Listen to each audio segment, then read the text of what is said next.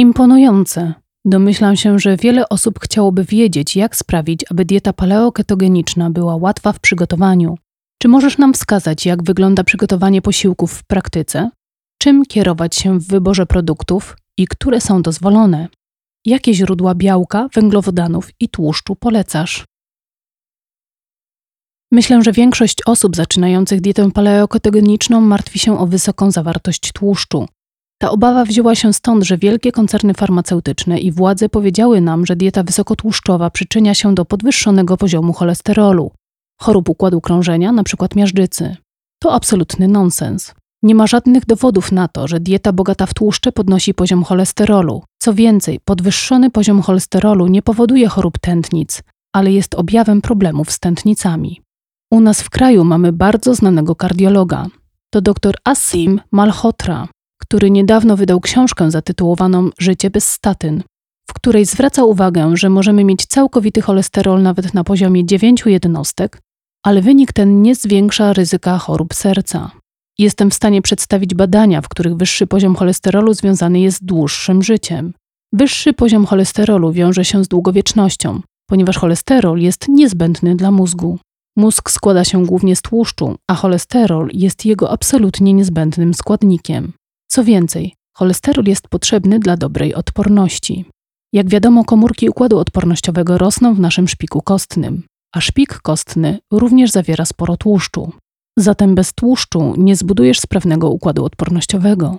Ponadto cholesterol jest prekursorem wszystkich naszych hormonów. Wyższy poziom cholesterolu jest nam potrzebny i cieszę się, kiedy widzę takie wyniki u pacjentów. Dodam jeszcze informację, która może być pomocna dla słuchaczy.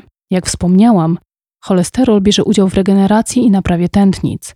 W szczególności mówimy tutaj o tak zwanym dobrym cholesterolu, czyli frakcji HDL. Ponieważ HDL jest wykorzystywany przez organizm do naprawy tętnic, to jego poziom będzie wskaźnikiem ich stanu. Kiedy HDL jest powyżej 2, to znaczy, że Twoje tętnice są w dobrej kondycji. Im niższy HDL, tym gorszy stan tętnic. Więc jest to bardzo przydatna i praktyczna wskazówka, którą każdy może sprawdzić, mierząc swój poziom HDL.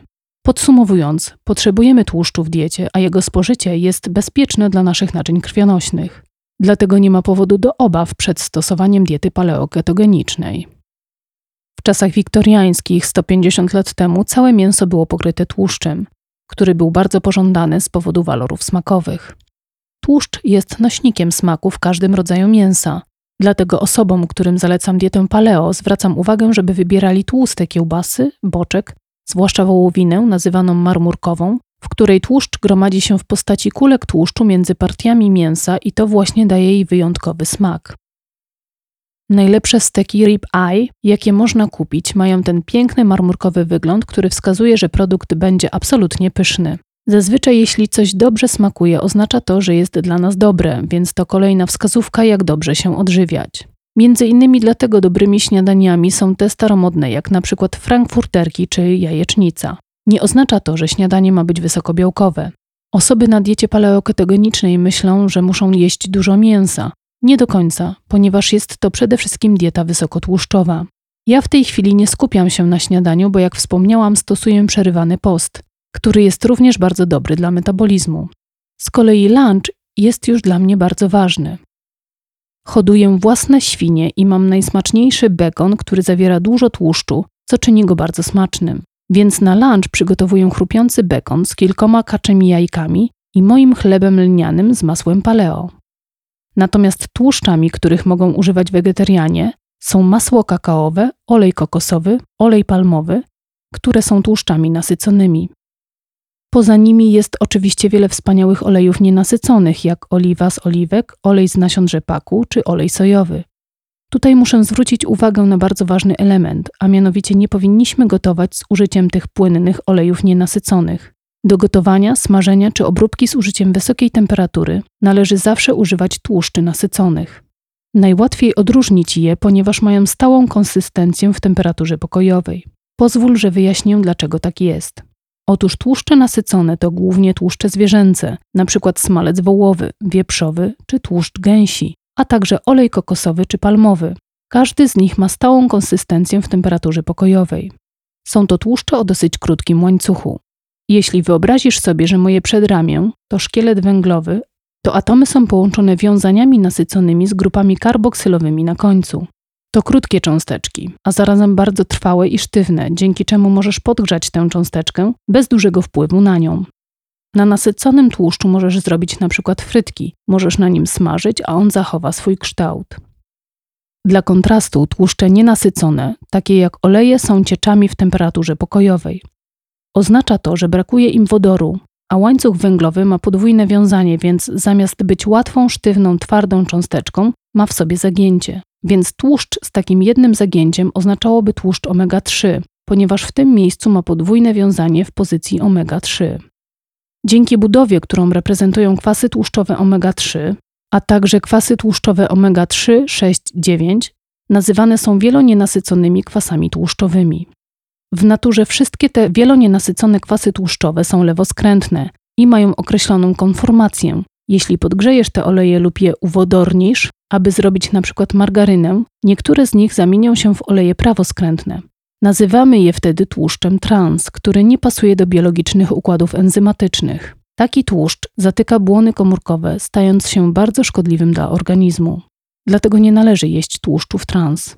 Dla wszystkich kucharzy, którzy tego słuchają, a wiem, że w Polsce jest wielu dobrych kucharzy, zawsze gotujcie z tłuszczami nasyconymi. Więc jeśli zamierzasz piec mięso, grillować czy smażyć jedzenie, zawsze używaj tłuszczu zwierzęcego, oleju kokosowego czy palmowego. Ważna jest również jakość tłuszczy. Każdy olej, który kupujesz, musi być tłoczony na zimno. Powtórzę raz jeszcze, że tłoczenie olejów na gorąco powoduje powstawanie tłuszczów trans. Wybierajmy te tłoczone na zimno i trzymajmy je w chłodnym miejscu, aby zachować ich właściwości. Możemy stosować je jako sosy czy dressingi na zimno do sałatek czy warzyw, aby nadać im ten wyjątkowy, wspaniały smak. Możesz je też spożywać samodzielnie. Ja każdego ranka wyjmuję z lodówki i piję odrobinę organicznego oleju konopnego, ponieważ zawarte w nim wielonienasycone kwasy tłuszczowe są bardzo dobre dla naszych błon komórkowych i ogólnie dla naszego organizmu. Jeśli chodzi o kolejną grupę, czyli warzywa, to wszystkie są dobre. Ja mam to szczęście, że uprawiam swój własny ogród i mam własne warzywa. Obecnie mamy dużo kapusty, porów, wciąż mamy marchewki i ziemniaki. Nawiązując do tych ostatnich, czyli warzyw korzeniowych, które zawierają więcej węglowodanów i skrobi niż zielone warzywa, ale i tak je jem. Kluczem jest wiedzieć jak. Na przykład ziemniaki najpierw ugotuj, a potem pozwól im ostygnąć. Dzięki temu część skrobi przekształci się w skrobię oporną, która jest trudniejsza do strawienia, ale jednocześnie odżywia przyjazne drobnoustroje w jelicie grubym. Następnie możesz je upiec w dużej ilości tłuszczu. Osobiście lubię chrupiące ziemniaki z odrobiną soli. Uwielbiam moje domowe jedzenie, dobrej jakości mięso, które może być mielone w postaci gulaszu czy pieczone, a do tego zielone warzywa. Czuję się bardzo usatysfakcjonowana i syta po takim posiłku. Kolejną wskazówką, którą osoby na diecie paleoketogenicznej uważają za bardzo pomocną, jest świadomość, że węglowodany uzależniają. Moi rodzice umarli z powodu uzależnienia od alkoholu, więc czynnik uzależniający działa bardzo silnie w mojej rodzinie. Dzięki temu wiem, że mogłabym z łatwością popaść w alkoholizm, a także uzależnienie od węglowodanów. Dlatego muszę się kontrolować, ponieważ potrafię powiedzieć nie pierwszemu herbatnikowi lub pierwszemu kawałkowi ciasta, ale już drugiego ani trzeciego nie umiem sobie odmówić. Jak aktywowane jest uzależnienie od węglowodanów? Jeśli jesteś uzależniony i zjesz porcję węglowodanów, zaraz chcesz ich więcej i więcej. Nie jesteś zadowolony, dopóki nie zjesz wszystkich. W takiej sytuacji wiesz, że nie ułożyłeś swojej diety odpowiednio dobrze. Z drugiej strony, kiedy po posiłku poczujesz się całkowicie usatysfakcjonowany, nie potrzebujesz po nim deseru, czegoś słodkiego, batonika czy czekolady. Najprawdopodobniej posiłek był dobrze skomponowany i odpowiedni dla nas. Ta wskazówka w połączeniu z mierzeniem poziomu ketonów powoduje, że nie ma dużego znaczenia, ile dokładnie jem. Moja waga pozostaje taka sama. Łącznie z tym, że mam dużo energii do pracy i wszystkich czynności, na które mam ochotę. Co więcej, są inne korzyści, przykład zdrowie moich zębów. Rzadko chodzę do dentysty. Nie mam takiej potrzeby, bo zęby mi się nie psują. Nie ma też innych chorób ani żadnych poważnych dolegliwości raka, demencji czy chorób serca. To potwierdza tylko fakt, że moja dieta jest dla mnie odpowiednia i że stosuję ją prawidłowo. Aby to sprawdzić, warto używać wskazówek klinicznych, zaczynając od obserwacji tego, jak się czujemy. Raz na jakiś czas warto przeprowadzić badania biochemiczne i laboratoryjne, jak badanie krwi, aby upewnić się, że dieta działa. Warto sprawdzić, czy Twoja hemoglobina glikowana jest na niskim poziomie. Następnie sprawdzić poziom cukru we krwi na czczo powinien wynosić od 4 do 6. To wszystko daje nam bardzo wyraźny obraz, że stosujemy dietę wystarczająco dobrze. Dziękuję za te wskazówki. Zastanawiam się, jakie trudności mogą pojawić się, kiedy zaczynamy stosować dietę paleoketogeniczną. Czy są jakieś przeciwwskazania do jej stosowania? Może nie przeciwwskazaniem, ale szczególnym przypadkiem, kiedy trzeba bardzo uważać ze stosowaniem diety paleoketogenicznej, jest cukrzyca typu pierwszego. Diabetycy przyjmujący leki muszą szczególnie uważnie monitorować poziom cukru we krwi. Z kolei cukrzycę typu drugiego możemy całkowicie cofnąć dzięki diecie ketogenicznej. To podejście nigdy mnie nie zawiodło. Przyczyną cukrzycy typu drugiego jest po prostu nadmierne spożycie cukrów i węglowodanów. Niestety lekarze zdają się tego nie widzieć albo nie wykorzystują tego faktu. Wystarczy podać bardzo prosty do zrozumienia przykład, również dla pacjentów. Skoro wiemy, że nadmiar cukrów i węglowodanów powoduje cukrzycę, to rozwiązaniem jest odpowiednie zmniejszenie ich ilości. Ale niestety lekarze tego nie robią. Podają leki, które sztucznie obniżają poziom cukru we krwi. W takim przypadku, kiedy osoba z cukrzycą typu drugiego bierze leki i jednocześnie stosuje dietę paleoketogeniczną, istnieje ryzyko, że poziom cukru we krwi spadnie zbyt nisko. Wtedy może dojść do utraty przytomności, a nawet zgonu. Znam wielu diabetyków, u których udało się całkowicie odwrócić zaburzenia metaboliczne powodujące cukrzycę. Te osoby odstawiły wszystkie leki dzięki diecie. Jednak powtarzam, że cukrzycy muszą bardzo dokładnie monitorować poziom glukozy we krwi, ponieważ na diecie paleoketogenicznej poziom cukru we krwi naturalnie ulega obniżeniu i wtedy osoby te muszą zredukować dawkę lub odstawić leki, żeby nie doszło do hiperglikemii. Prawdopodobnie wiele osób słyszało o sytuacjach, że diabetycy są skłonni do upijania się. Z zewnątrz może to tak wyglądać. Alkohol ma wpływ na obniżenie poziomu cukru we krwi, dlatego kiedy osoba z cukrzycą wypije alkohol, może nawet stracić przytomność. Wtedy mylnie zakładamy, że wypili za dużo, że są pijani, zostają umieszczeni na oddziale szpitalnym lub w izbie wytrzeźwień. Jest to ryzykowna sytuacja zagrażająca ich życiu, ponieważ jeżeli poziom cukru spadnie zbyt nisko, mogą nawet umrzeć. Dla osób z cukrzycą typu pierwszego mamy obecnie urządzenie, sensor do stałego monitorowania glikemii. Nazywa się Dexcom, który wskazuje, jak zmienia się Twój poziom cukru we krwi z minuty na minutę. A to oznacza, że możesz bardzo ściśle kontrolować poziom cukru we krwi, to co jesz, jak i dawkę insuliny. Chorzy na cukrzycę typu pierwszego, nawet na diecie paleoketogenicznej, muszą przyjmować insulinę, ale mogą znacząco zmniejszyć dawkę. Poziom ich cukru we krwi całkowicie normuje się i funkcjonują bardzo dobrze. Przykładem jest lekarz rodzinny dr Ian Lake, który pracuje w naszej Narodowej Służbie Zdrowia i sam choruje na cukrzycę typu pierwszego. Kilka lat temu zaczął stosować dietę paleoketogeniczną. Żeby jeszcze lepiej zobrazować jej moc, zdecydował się na pięciodniowy post, podczas którego nic nie jadł. Co więcej, każdego dnia tego postu przebiegał 20 mil razem z czterema innymi sportowcami, którzy również mieli cukrzycę i stosowali post. Przebiegł ze Stroud do Bristolu, czyli łącznie 100 mil. Cały czas stosował tę samą dawkę insuliny. Biegł w bardzo dobrej formie, nie jedząc niczego, a jego mitochondria funkcjonowały bardzo dobrze. Oczywiście nie mógł się doczekać swojego posiłku, kiedy dotarł na miejsce, ale nie wystąpiła u niego hipoglikemia, czuł się bardzo dobrze. Dieta paleoketogeniczna może stanowić problem jedynie gdy stosujesz leki, czyli u diabetyków z cukrzycą typu pierwszego, bo muszą oni stale monitorować poziom cukru we krwi oraz dawkę leków. Dla wszystkich innych osób dieta paleoketogeniczna stanowi punkt wyjścia do leczenia ich problemów ze zdrowiem. Nie ma znaczenia, czy masz wysokie ciśnienie krwi, nadwagę, zespół metaboliczny czy choroby psychiczne. Dwóch psychiatrów przeprowadziło wspaniałe badania na ten temat. Karl Pfiffer i Abraham Hofer zastosowali dietę ketogeniczną u pacjentów z depresją w przebiegu choroby afektywnej dwubiegunowej i schizofrenii. Dzięki niej pacjenci nie tylko lepiej kontrolowali przebieg choroby, ale nawet ją wyleczyli. Wśród badanych objawy psychotyczne całkowicie ustąpiły. Kolejny przykład, który potwierdza skuteczność tej diety, pochodzi z lat 60. XX wieku, a nawet wcześniej. Zanim jeszcze pewne grupy leków były dostępne, punktem wyjścia do leczenia epilepsji była dieta ketogeniczna. Jeśli ktoś z Was jest fanem kina, to powstał o tym cudowny film, w którym występuje jedna z moich ulubionych aktorek, Meryl Streep, zatytułowany Po pierwsze nie szkodzić. To prawdziwa historia pewnej matki i jej dziecka o imieniu Matthew, który cierpiał na bardzo poważną epilepsję. W jego przypadku dostępne leki nie zadziałały, więc jego matka zdecydowała się wprowadzić chłopcu dietę ketogeniczną.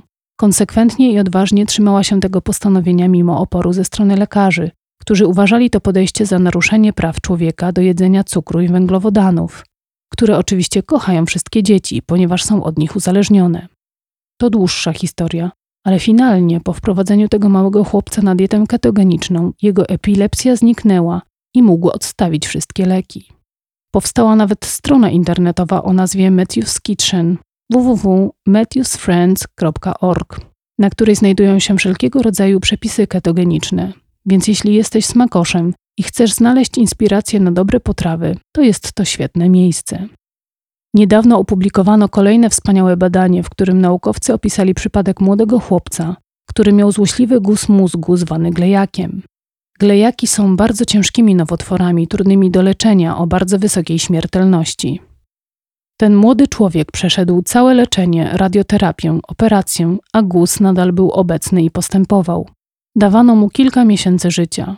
Mimo wszystko rozpoczął on dietę ketogeniczną. Minęło już kilka lat. Gus nadal jest obecny, ale chłopiec jest sprawny i dobrze funkcjonuje. Ta historia potwierdza fakt, że dieta ketogeniczna jest potężnym narzędziem do leczenia raka. W internecie jest nieskończona liczba odniesień do badań naukowych, wyraźnie pokazujących, jak dieta paleoketogeniczna przedłuża życie, zmniejsza skutki uboczne chemioterapii i radioterapii, a pacjenci dobrze się na niej czują. Nie oznacza to, że zmiana sposobu żywienia jest łatwa. Początki są trudne i zdarzają się kryzysy. Za każdym razem, kiedy wprowadzamy u pacjentów jakąś terapię, aby pomóc im wyzdrowieć, doświadczają oni. Tak kryzysów zdrowienia. Nazywam to reakcjami DDD, które oznaczają reakcję na dietę, detoksykację i cofanie się zmian. Również stosując dietę paleoketogenną mogą pojawić się podobne reakcje. Kiedy organizm latami zmagał się z cukrami i węglowodanami, to pacjenci często nie mogą utrzymać restrykcyjnej diety. Kiedy przychodzą do mnie i zalecam im zupełne odstawienie cukrów i węglowodanów ze wskazaniem na zwiększenie ilości tłuszczy, ich organizm potrzebuje trochę czasu, aby przestawić się na spalanie tłuszczu. W tym czasie często doznają wspomnianego wcześniej kryzysu, który przypomina stan hipoglikemii ketogennej. Mają wszystkie objawy niskiego poziomu cukru we krwi. Są głodni, zmęczeni, a nawet roztrzęsieni, mają problemy ze snem. To dlatego, że kiedy ich metabolizm próbuje przestawić się na spalanie tłuszczu, początkowo nie mają wystarczająco przystosowanej gospodarki hormonalnej, w tym hormonów tarczycy, aby móc spalić tłuszcz. Zamiast tego zaczyna działać adrenalina. Jak już wiemy, objawy niskiego poziomu cukru we krwi wynikają z działania adrenaliny. Gdy tylko organizm nauczy się spalać tkankę tłuszczową przy pomocy hormonów tarczycy, ta hipoglikemia wywołana adrenaliną znika. To jedna z przyjemnych cech związanych z wejściem w ketozę. Nie masz skoków cukru. Będąc na ketozie, mogę cały dzień pracować w ogrodzie i zapominam o jedzeniu, bo zwyczajnie nie jestem głodna. Nie mam żadnych spadków cukru, ale oczywiście lubię mój wieczorny posiłek, kiedy nadchodzi na niego pora. W ten sam sposób bardzo często objawia się niedoczynność tarczycy. Ten stan który nazywam kryzysem ozdrawiania, jest również nazywany ketogrypą i trwa to około tygodnia lub nawet dwóch tygodni. Po około dwóch tygodniach diety ketogenicznej organizm powinien przystosować się do ketozy, a my powinniśmy poczuć się dużo lepiej. Jeśli tak się nie stanie, należy sprawdzić czynność tarczycy. To jest pierwsze D, które nazywam reakcją na dietę diet reaction. Następną reakcją, którą ja określam jako drugie D, jest reakcja na detoksykację. Kiedy organizm zaczyna spalać tłuszcz, mobilizuje również spalanie tłuszczu z tkanki podskórnej. Dalej możemy pobierać tłuszcz z diety, ale również uzyskujemy dostęp do tłuszczu z naszej tkanki podskórnej. Mówiąc o detoksykacji, muszę wspomnieć, że żyjemy w coraz bardziej skażonym środowisku. Przekonuję się o tym bardzo często, zalecając badania moczu, krwi czy biopsję tłuszczu, które wykazują całą gamę toksyn, jakie kumulują nasze organizmy. Nigdy nie widziałam prawidłowego wyniku testu. Wszyscy nosimy obciążenia w postaci chlorów organicznych, fosforanów, metali ciężkich czy lotnych związków organicznych. Wyniki zawartości toksyn w biopsji tkanki tłuszczowej podawane są w miligramach na kilogram. Natomiast jeśli zbadam ich poziom we krwi, wynik podawany jest w mikrogramach na kilogram. Już sam ten fakt mówi nam, że poziom toksyn w naszym tłuszczu jest tysiąc razy wyższy niż w naszym krwiobiegu. Więc jeśli zaczynasz spalanie podskórnej tkanki tłuszczowej, zaczynasz mobilizować te toksyny i dostajesz objawów zatrucia. Dlatego musisz przygotować się na detoksykację. Rozwiązaniem, które pomaga się ich pozbyć, są kąpiele w soli Epsom, jak również sauna na podczerwień czy opalanie i światło słoneczne. Każda z tych terapii pomaga nam pozbywać się zanieczyszczeń i toksycznych substancji przez skórę. Trzecim D są reakcje wymierania, tak zwane die of reaction, inaczej reakcje Herxheimera. To zagadnienie zrozumiałam szczególnie wyraźnie pisząc książkę Infection Game. Jedną ze wspaniałych rzeczy w pisaniu książek jest dogłębne zastanowienie się, dlaczego tak się dzieje, że dany proces zachodzi w organizmie. Zawsze dokładnie sprawdzam przyczyny, ponieważ wszystko, co zamieszczam w książce, musi mieć odniesienie do badań. Zgłębiając temat infekcji, odkryłam, że prawie każda patologia jest związana z czynnikiem, który ją przenosi. Dla przykładu, jedną z przyczyn demencji jest syfilis, ale również bakteria Borelli, wirus Epsteina-Barra czy wirus Coxsackie mogą ją wywołać. Również wszystkie nowotwory są wywoływane przez takie czynniki infekcyjne, np. Helicobacter pylori bytujący w żołądku, czy retrowirusy, jak i ludzkie endogenne retrowirusy, wirusy HPV, które często powodują białaczkę oraz raka piersi. To samo dotyczy chorób serca. Mamy styczność z tymi infekcjami cały czas.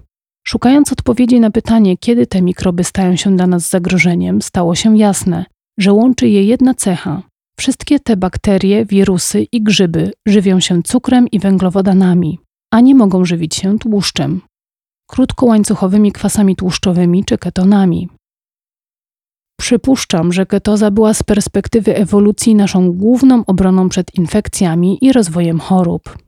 Dla lepszego zobrazowania tego faktu podam przykład z obecnych czasów, kiedy wiemy, że największym czynnikiem ryzyka zachorowania i śmierci z powodu infekcji koronawirusem jest nadwaga i cukrzyca. Osoby z cukrzycą mają trzykrotnie zwiększone ryzyko śmierci z powodu COVID. Osoby te mają wyższe ryzyko śmierci z powodu COVID, ponieważ spożywają zbyt dużo cukru i węglowodanów, które mają wyraźne działanie prozapalne.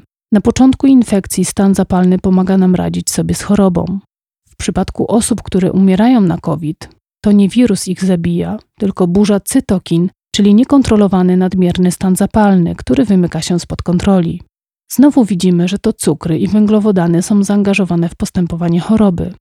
Wróćmy jednak do reakcji Herxheimera, która rozwija się, gdy odstawisz cukry i węglowodany.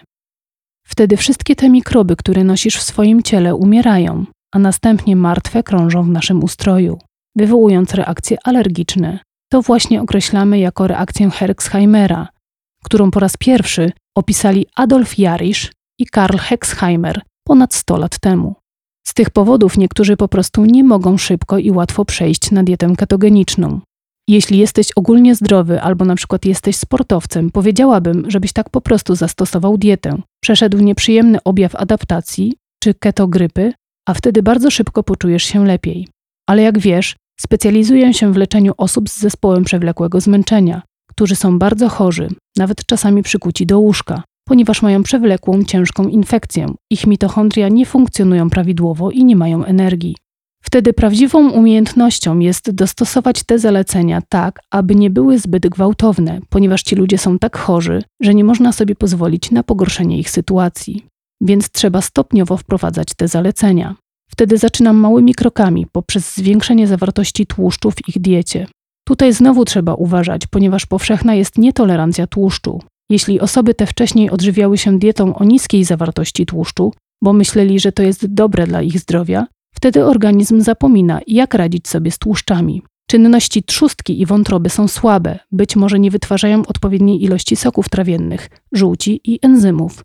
Wtedy trzeba dać układowi pokarmowemu i jelitom czas i szansę na przystosowanie się i ponowną naukę trawienia tłuszczy. Stopniowo zwiększamy zawartość błonnika i tłuszczu w ich diecie, a następnie powoli ograniczamy węglowodany, aby zminimalizować wspomniane reakcje dietetyczne, detoksykacji i reakcję Herxheimera. Dodatkowo, aby zminimalizować nieprzyjemne reakcje, wprowadzamy również inne terapie wspomagające, takie jak sauna czy kąpiele, witamina C i inne podobne suplementy w celu poprawy funkcji ich mitochondriów czy korygowania funkcji tarczycy. Wszystko, aby pozwolić im poczuć się trochę lepiej, chociaż to zachowanie równowagi jest zawsze trudne. Im trudniejszy będzie przypadek, tym musimy postępować wolniej i ostrożniej. Dla niektórych może to oznaczać miesiące zmagań, zanim zaczną się poprawiać, ale kiedy to już nastąpi, jest to bardzo satysfakcjonujące.